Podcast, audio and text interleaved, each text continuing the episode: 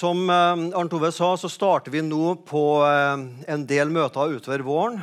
Eh, en del blir etter hverandre nå i starten, og så hopper vi litt. Så faktisk siste møte i denne serien blir i midten av juni. Der vi skal prøve å se på disse sju strategipunkt eller handlingsplan eller satsingsområder, syns jeg er det beste ordet for som Norsk Luthersk Misjonssamband bestemte på generalforsamlinga i fjor sommer, som skal prege hele vår organisasjon, og også vår menighet. Eh, handlingsplanen går for ti år, men jeg tenker jo dette er bibelske ting som vi skal ta med oss uansett hva slags år vi lever i. Og Vi i Misjonssalen har en eh, visjon som heter 'Å tro og tilhøre, tilbe og tjene'. Og dere som har uh, vært her uh, minst like lenge som meg, uh, har hørt at jeg har snakka om disse T-ene opptil kanskje flere titalls ganger. Men det handler primært om hvem vi er, hva slags menighet vi er, hva som er viktig for oss. Hva er det som skal skje, ikke bare på et søndagsmøte, men hva som skal prege oss og oss vår menighet? Jo, her er en plass for å tro og komme til tro, vokse i tro. For å tilhøre Å vokse det er å tilhøre Gud og tilhøre hverandre. For å tilbe Jesus og for å tjene hverandre. Og I dag blir det mest om å tjene, men også en del om å tilhøre. Og eh, For to uker siden så begynte jeg å snakke om de fire t-ene. Så jeg skal ikke repetere det, men Den første T-en er altså tro. Og Her er da to sentrale bibelvers, Efeserne 2, 8 og 9, som sier at dette med tro er ikke noe vi skal prestere sjøl, men det, det, er en Guds gave som Gud gir til oss. Og Gjennom denne gaven, eh, når vi tar imot Jesus og tror på det, så blir vi Guds barn. Og Evangeliet det er Guds kraft til frelse.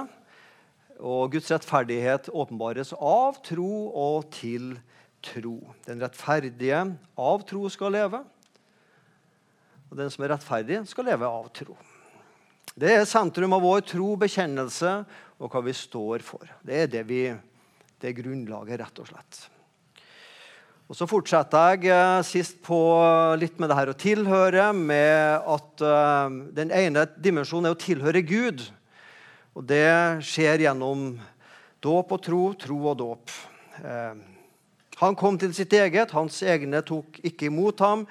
Skriver eh, Johannes om, eh, disippelen Johannes om Jesus. Men alle de som tok imot ham, de ga han rett til å bli Guds barn, de som tror på hans navn. Vi tar imot Jesus Kristus i den kristne dåp, og vi tar imot Jesus Kristus i tro. Og troa er personlig, men aldri privat. Og Det er en viktig skjeldning vi må ha med oss. Noen eh, er litt redd for at troa skal bli for offentlig, synlig i det offentlige rom. Liksom, det er greit at de kristne tror, men hold det for dere sjøl.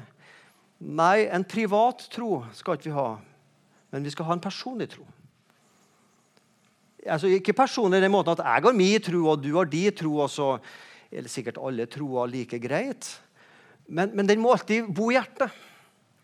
Det må på en måte være min Jesus. Den Jesus som er alles Jesus, må bli din og min Jesus. Ta bolig i hjertet ved sin Hellige Ånd. Ei personlig tro. Ja, jeg er Guds barn.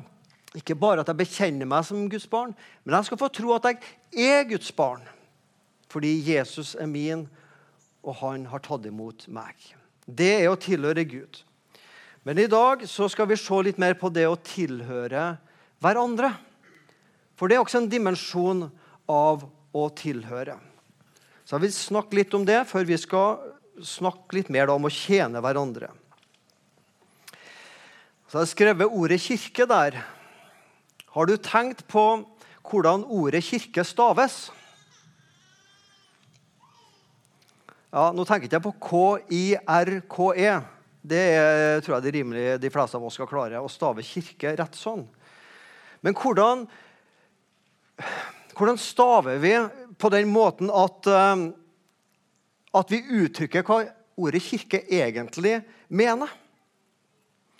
Og Der tror jeg at dette ordet som kommer opp nå, er den beste definisjonen på kirke. Og det er ordet 'hverandre'.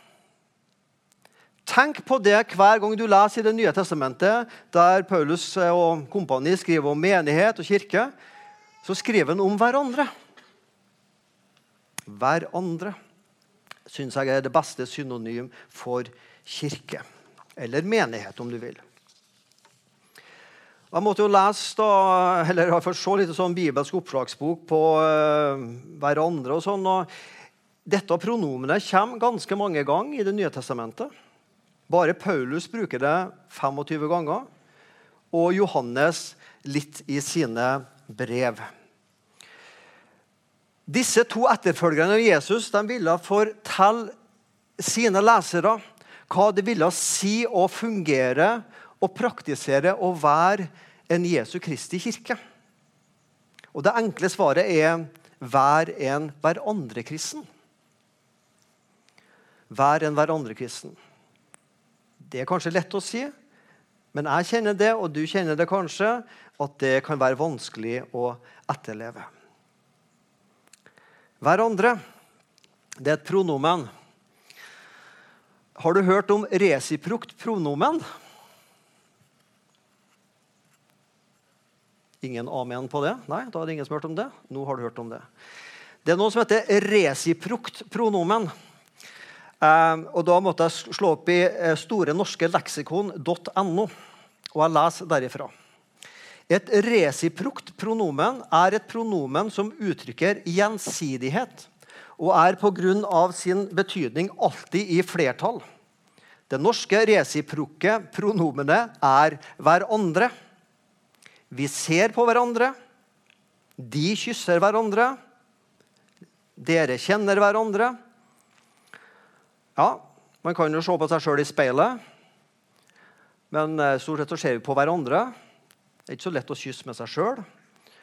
Det er stort sett greit å være to, og stort sett den samme da, hver gang. Og vi kjenner hverandre. Det er alltid et flertallsord. Resiprokt pronomen. Og poenget her er gjensidighet. Å være en menighet er å være en hverandre-kristen, og det baserer seg på gjensidighet. Sjølve frelsa, at Jesus Kristus frelste deg og meg, det baserer seg ikke på gjensidighet. Det er en enveishandling fra Gud og Jesus til oss syndige mennesker. Men samtidig, vi svarer på denne frelsen og frelsesinnbydelsen ved å, si tro, nei, ved å tro og si ja til å akseptere Guds frelse. Men frelsen i seg sjøl er ingen gjensidighet. Det er fra Gud til oss. Men vi som er frelst, vi er kalt inn til et gjensidig hverandre-forhold her i misjonssalen. Vil du være en del av et kristent fellesskap, ja, så tilhører vi en menighet, og vil du tjene i Guds rike, da bygger det på gjensidighet. Et litt finere ord for å tjene hverandre, det er å elske hverandre. Å tjene og elske. Johannes snakker og skriver flere ganger om å elske hverandre. Og Paulus han går litt mer konkret til verks. Fordi å snakke om å elske hverandre kan virke så luftig. Og, ja, hva betyr det? At vi skal være glad i hverandre. Hva er det for noe? Så Paulus han er litt mer konkret når han spesifiserer hva det i praksis innebærer å elske hverandre. Han snakker i Kolosserne kapittel 3. Vi skal ikke lese alt der, men der har han et lengre avsnitt der han mange ganger bruker dette resiprokke pronomenet hverandre. Han snakker om å ikke lyve for hverandre å bære over med hverandre, tilgi hverandre og lære å rettlede hverandre. Her eksempel, I kapittel 3 vers 13 så skriver Paulus til kristne i Sandnes i 2023. Dere må tåle hverandre og tilgi hverandre dersom en skulle ha noe å anklage en annen for. Like som Kristus har tilgitt dere, skal dere tilgi hverandre. Jesus han er definitivt vårt forbilde når det gjelder å tilgi. Slik han tilga oss, er det et godt eksempel for hvordan vi skal tilgi hverandre. Det handler om å tåle hverandre, klare å se hverandre i øynene. Og da trenger vi av og til, også en forsamlingsleder, å be om unnskyldning og gi og ta imot tilgivelse.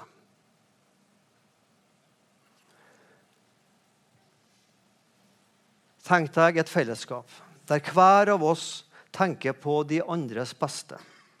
Der de andres behov settes foran mine sjølsentrerte ønsker. Jeg tror et slikt kristent fellesskap vil mange tilhøre. En slik kirke skapes når vi lever hverandre kristendom.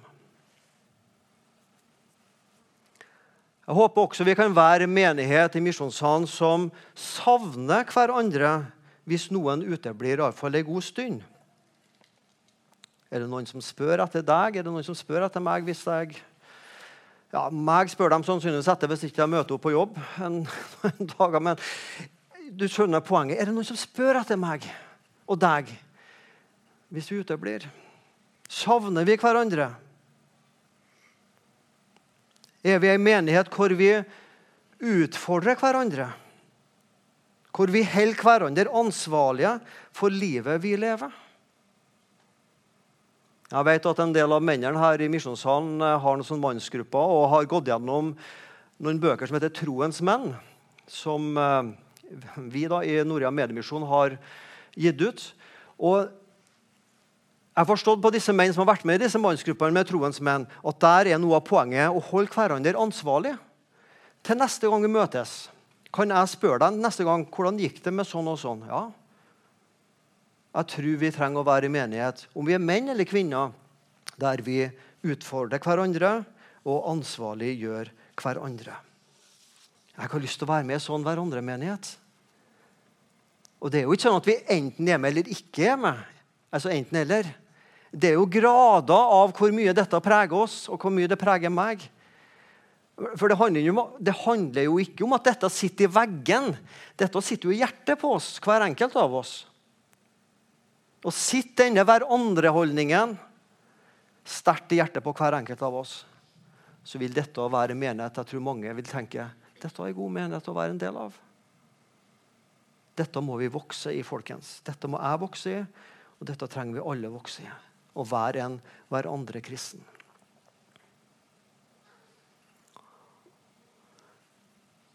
Så over til å tjene hverandre.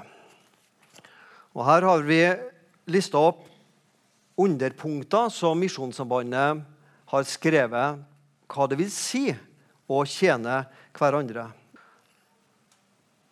Bønnen Ordet og sakramenter skal være hovedsak i våre fellesskap.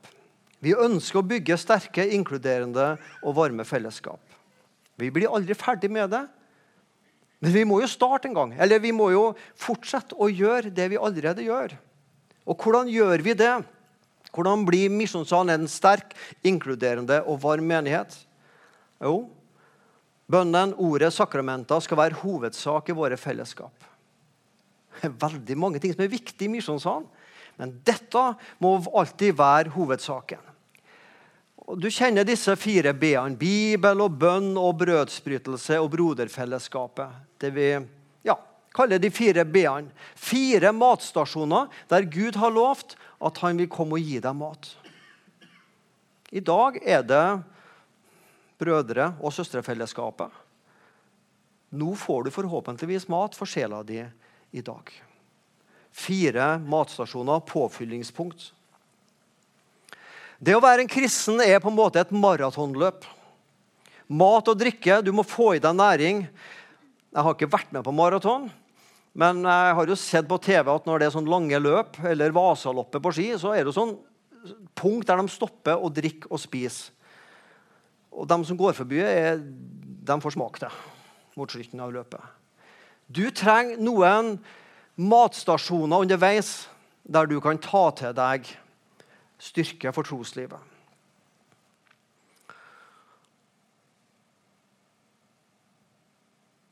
For det andre, Alle forsamlinger skal ha et tilbud om små og store relevante møtepunkt for alle generasjoner.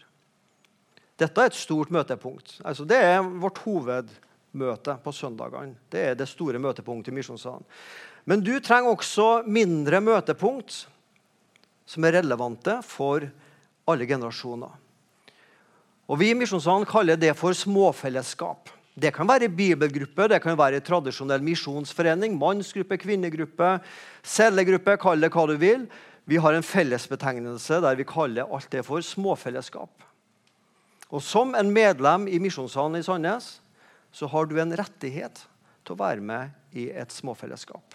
Det er ingen plikt, men alle som vil, skal få være med. Og Det er vårt ansattes plikt og da å ordne med at det er nok smågrupper fellesskap. Ja, det er ikke bare vårt ansvar. Deres gruppe må også være åpen for å ta imot nye i deres fellesskap. Jeg kan ikke kanskje putte en 75-åring inni ei gruppe med 25-åringer, eller, eller, motsatt.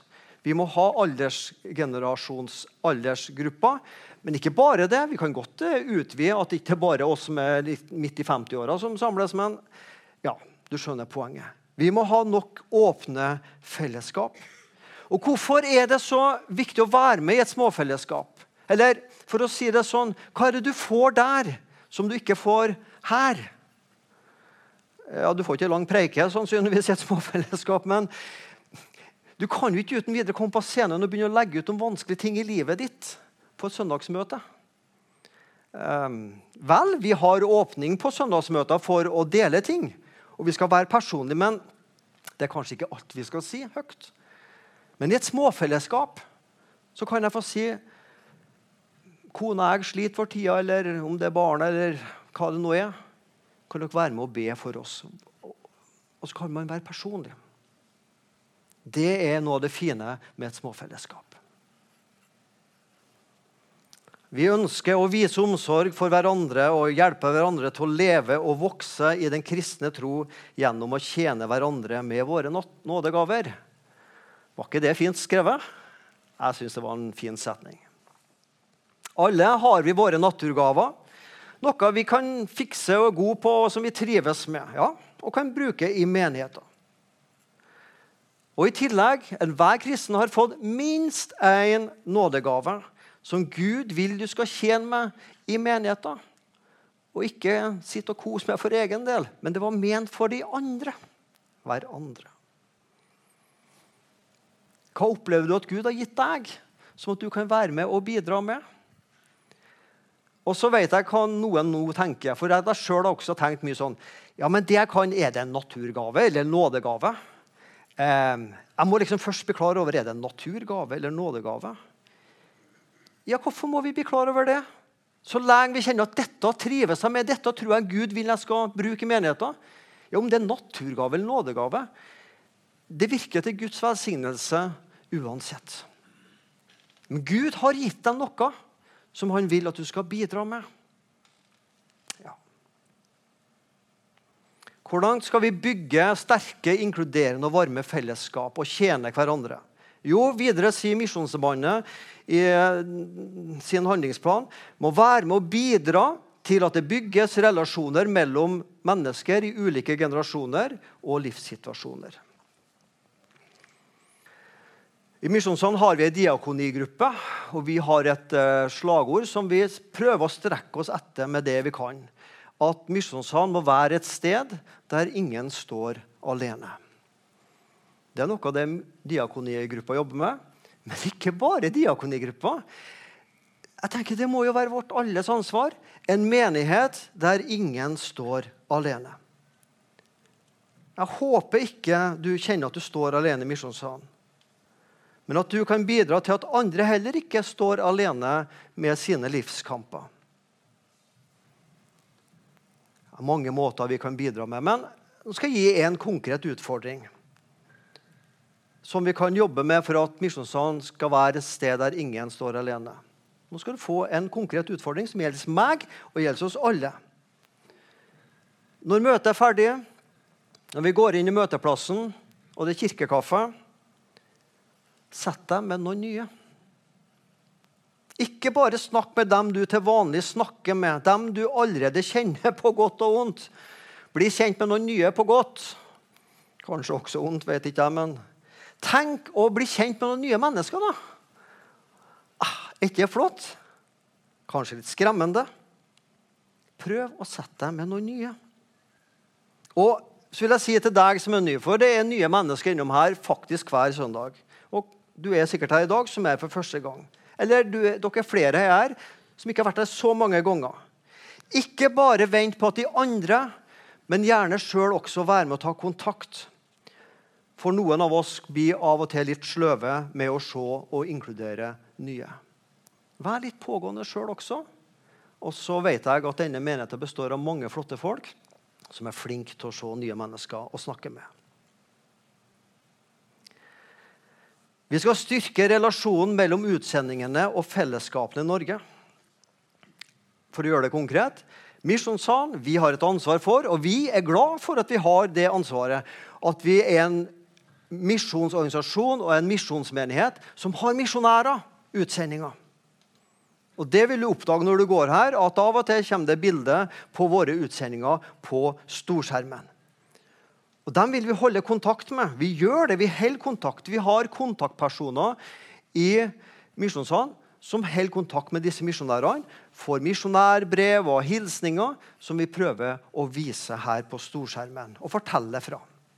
For oss er det viktig å presentere våre utsendinger, sånn at vi skal kjenne ja, dem har vi ansvar for, dem vil vi være med å be for. Og så skal vi kjenne på gleden over at vi er en menighet som ikke er oss sjøl nok, men som tenker både på Sandnes, men også videre utover i verden.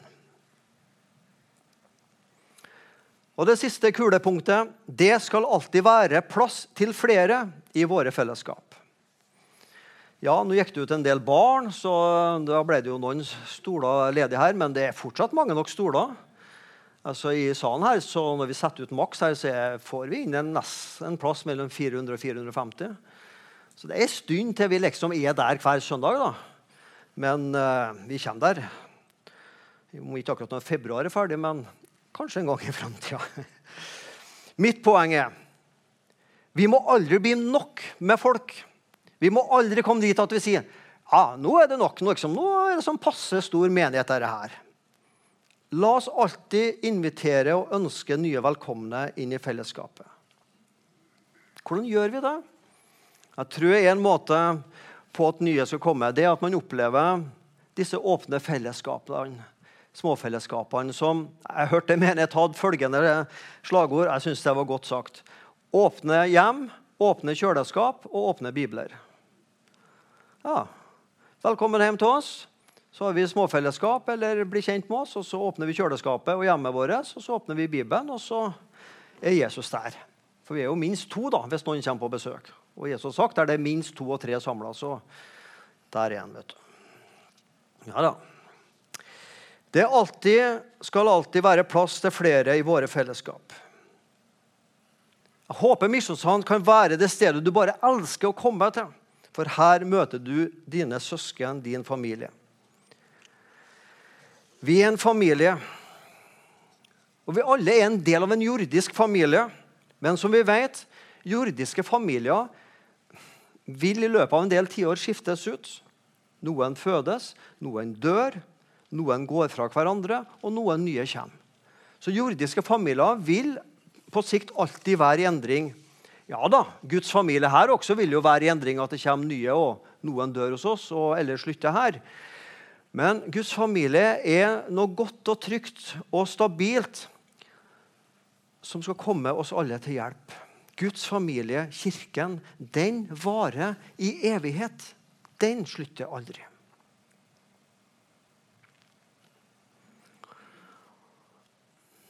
Skal vi tjene hverandre? Her har du noen gode tips. Så kommer det et, på en måte et enkelt spørsmål opp på skjermen nå. Eh, men likevel så vanskelig. Ønsker vi å tilhøre og tjene i en døende eller en levende menighet? I en menighet der du ser liksom hjerteslaget etter hvert, så blir det strek. ikke sant? Det slutter å slå hjertet. Eller en levende menighet som ønsker nye velkomne? Det er jo en, et lett spørsmål å svare på. Selvfølgelig ønsker vi alle å tilhøre en levende og ikke en døende menighet. Men jeg skal mot avslutninga nå fortelle dere en historie eh, som jeg vet jeg har fortalt her eller der nede i Langgata eh, både to og tre og kanskje fire ganger før.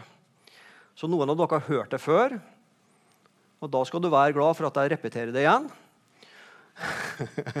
og noen av dere får det for første gang. Det er ikke min historie, jeg skal fortelle dere en historie om en amerikansk eh, pastor, student, som etter hvert ble pastor, og megakirkepastor også.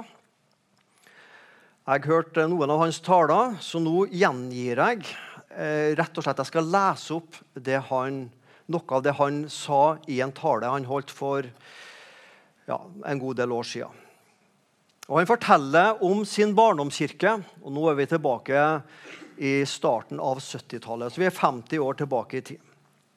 Og Jeg leser det han sa på denne talen, som jeg prøvde å oversette etter beste mulig øre til norsk.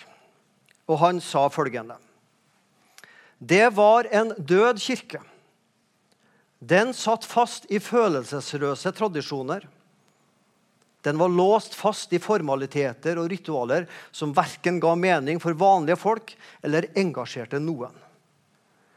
I løpet av de 20 årene jeg var i denne kirken, så jeg ingen voksne omvende seg eller bli døpt. Så langt jeg kunne se, fant ingen i løpet av disse årene troen for første gang i kirken. Når folk lå i strid med hverandre, satte de seg på hver sin side av møterommet, var sure og ble aldri forsonet. Det var lite åndelig vekst, det å bli lik Kristus. Det var ingen gavestrøm til de fattige. Ingen broer ble bygget til andre etniske grupper og raser. Få frimodige bønner ble bedt, og så langt jeg kan, kan se i ettertid, så ble heller ingen av dem svart på. En gang inviterte jeg en venn til kirken. Det var det dårligste valget jeg noen gang har tatt. Vennen min endte opp lenger borte fra Gud og kirke enn han ville gjort hvis han ikke hadde blitt invitert til kirken. Så da denne studenten på 20 år flyttet hjemmefra, så var han ganske klar til å forlate det som har med kirke og nesten også tro å gjøre.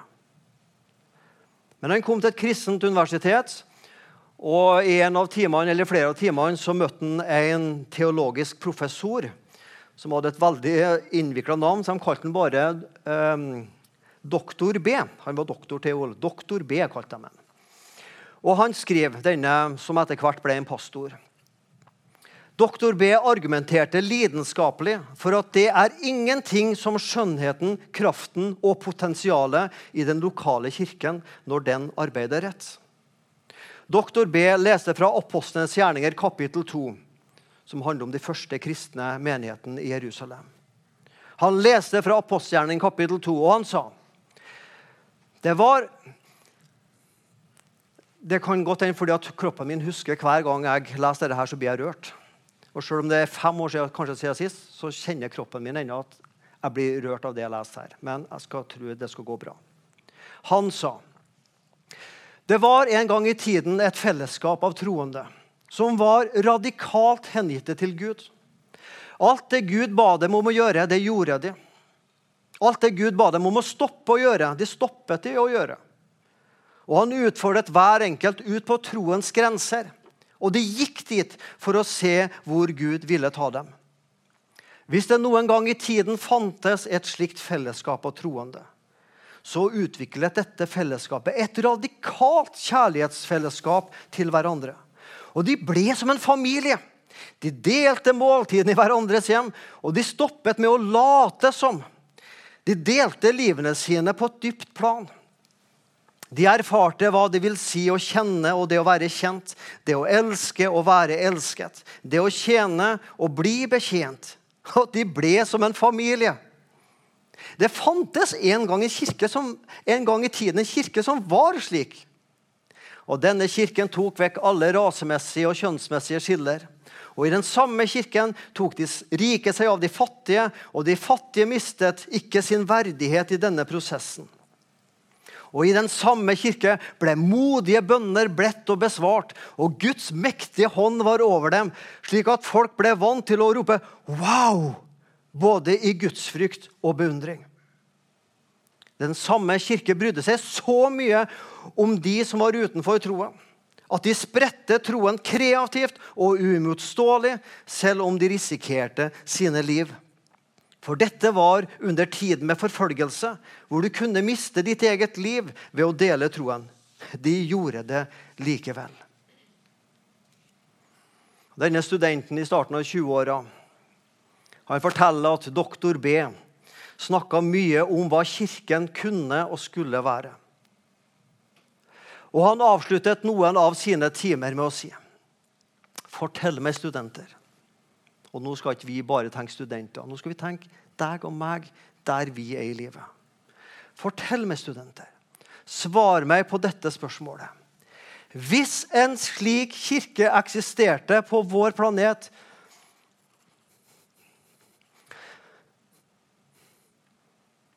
I det første århundret etter Kristus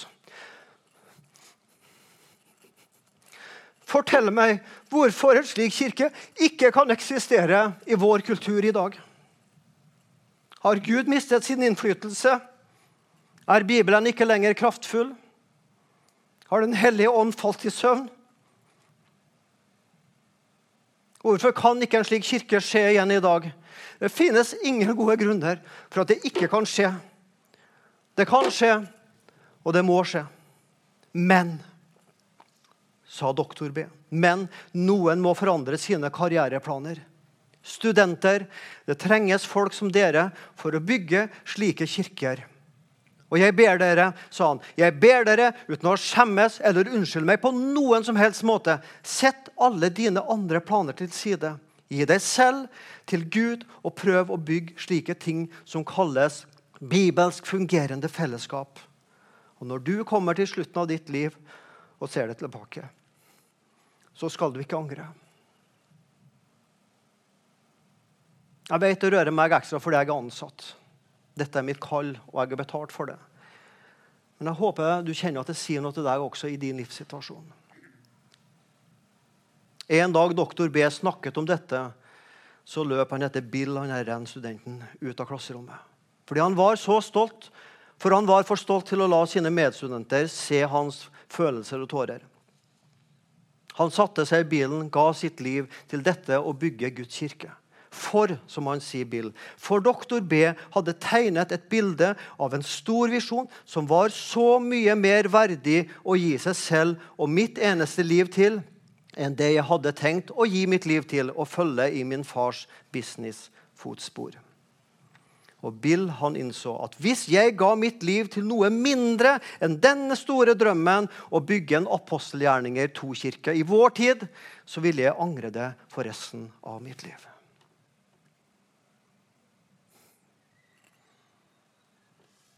Kan ei slik kirke bygges i Sandnes i 2023? Bill starta på det rundt 1975. Det ble ei kirke som etter hvert tok imot 20 og 30 og 40 000 mennesker hver søndag. Kan vi bygge sånn kirke? Ja, Det er mange ting som betyr noe. Men det betyr noe at vi er hverandre kristne. At vi kjenner her er en menighet der jeg ikke står alene. Her er en menighet jeg syns det er godt å ta med nye til. Og her er en menighet du som ny kan kjenne OK, her kan jeg komme med mitt liv. Tjen hverandre. Helt til slutt. Vi tilhører alle å tjene en død, men levende Kristus. Jesus kom og betjente oss. Han ga sitt liv til soning for våre syndeovertredelser. Han har betjent deg på korset og da han sto opp igjen. Og han vil betjene deg og kalle deg og komme til tro. Hvis du er her og ikke kjenner Jesus Kristus, så er kanskje i dag dagen du skal si ja, Jesus.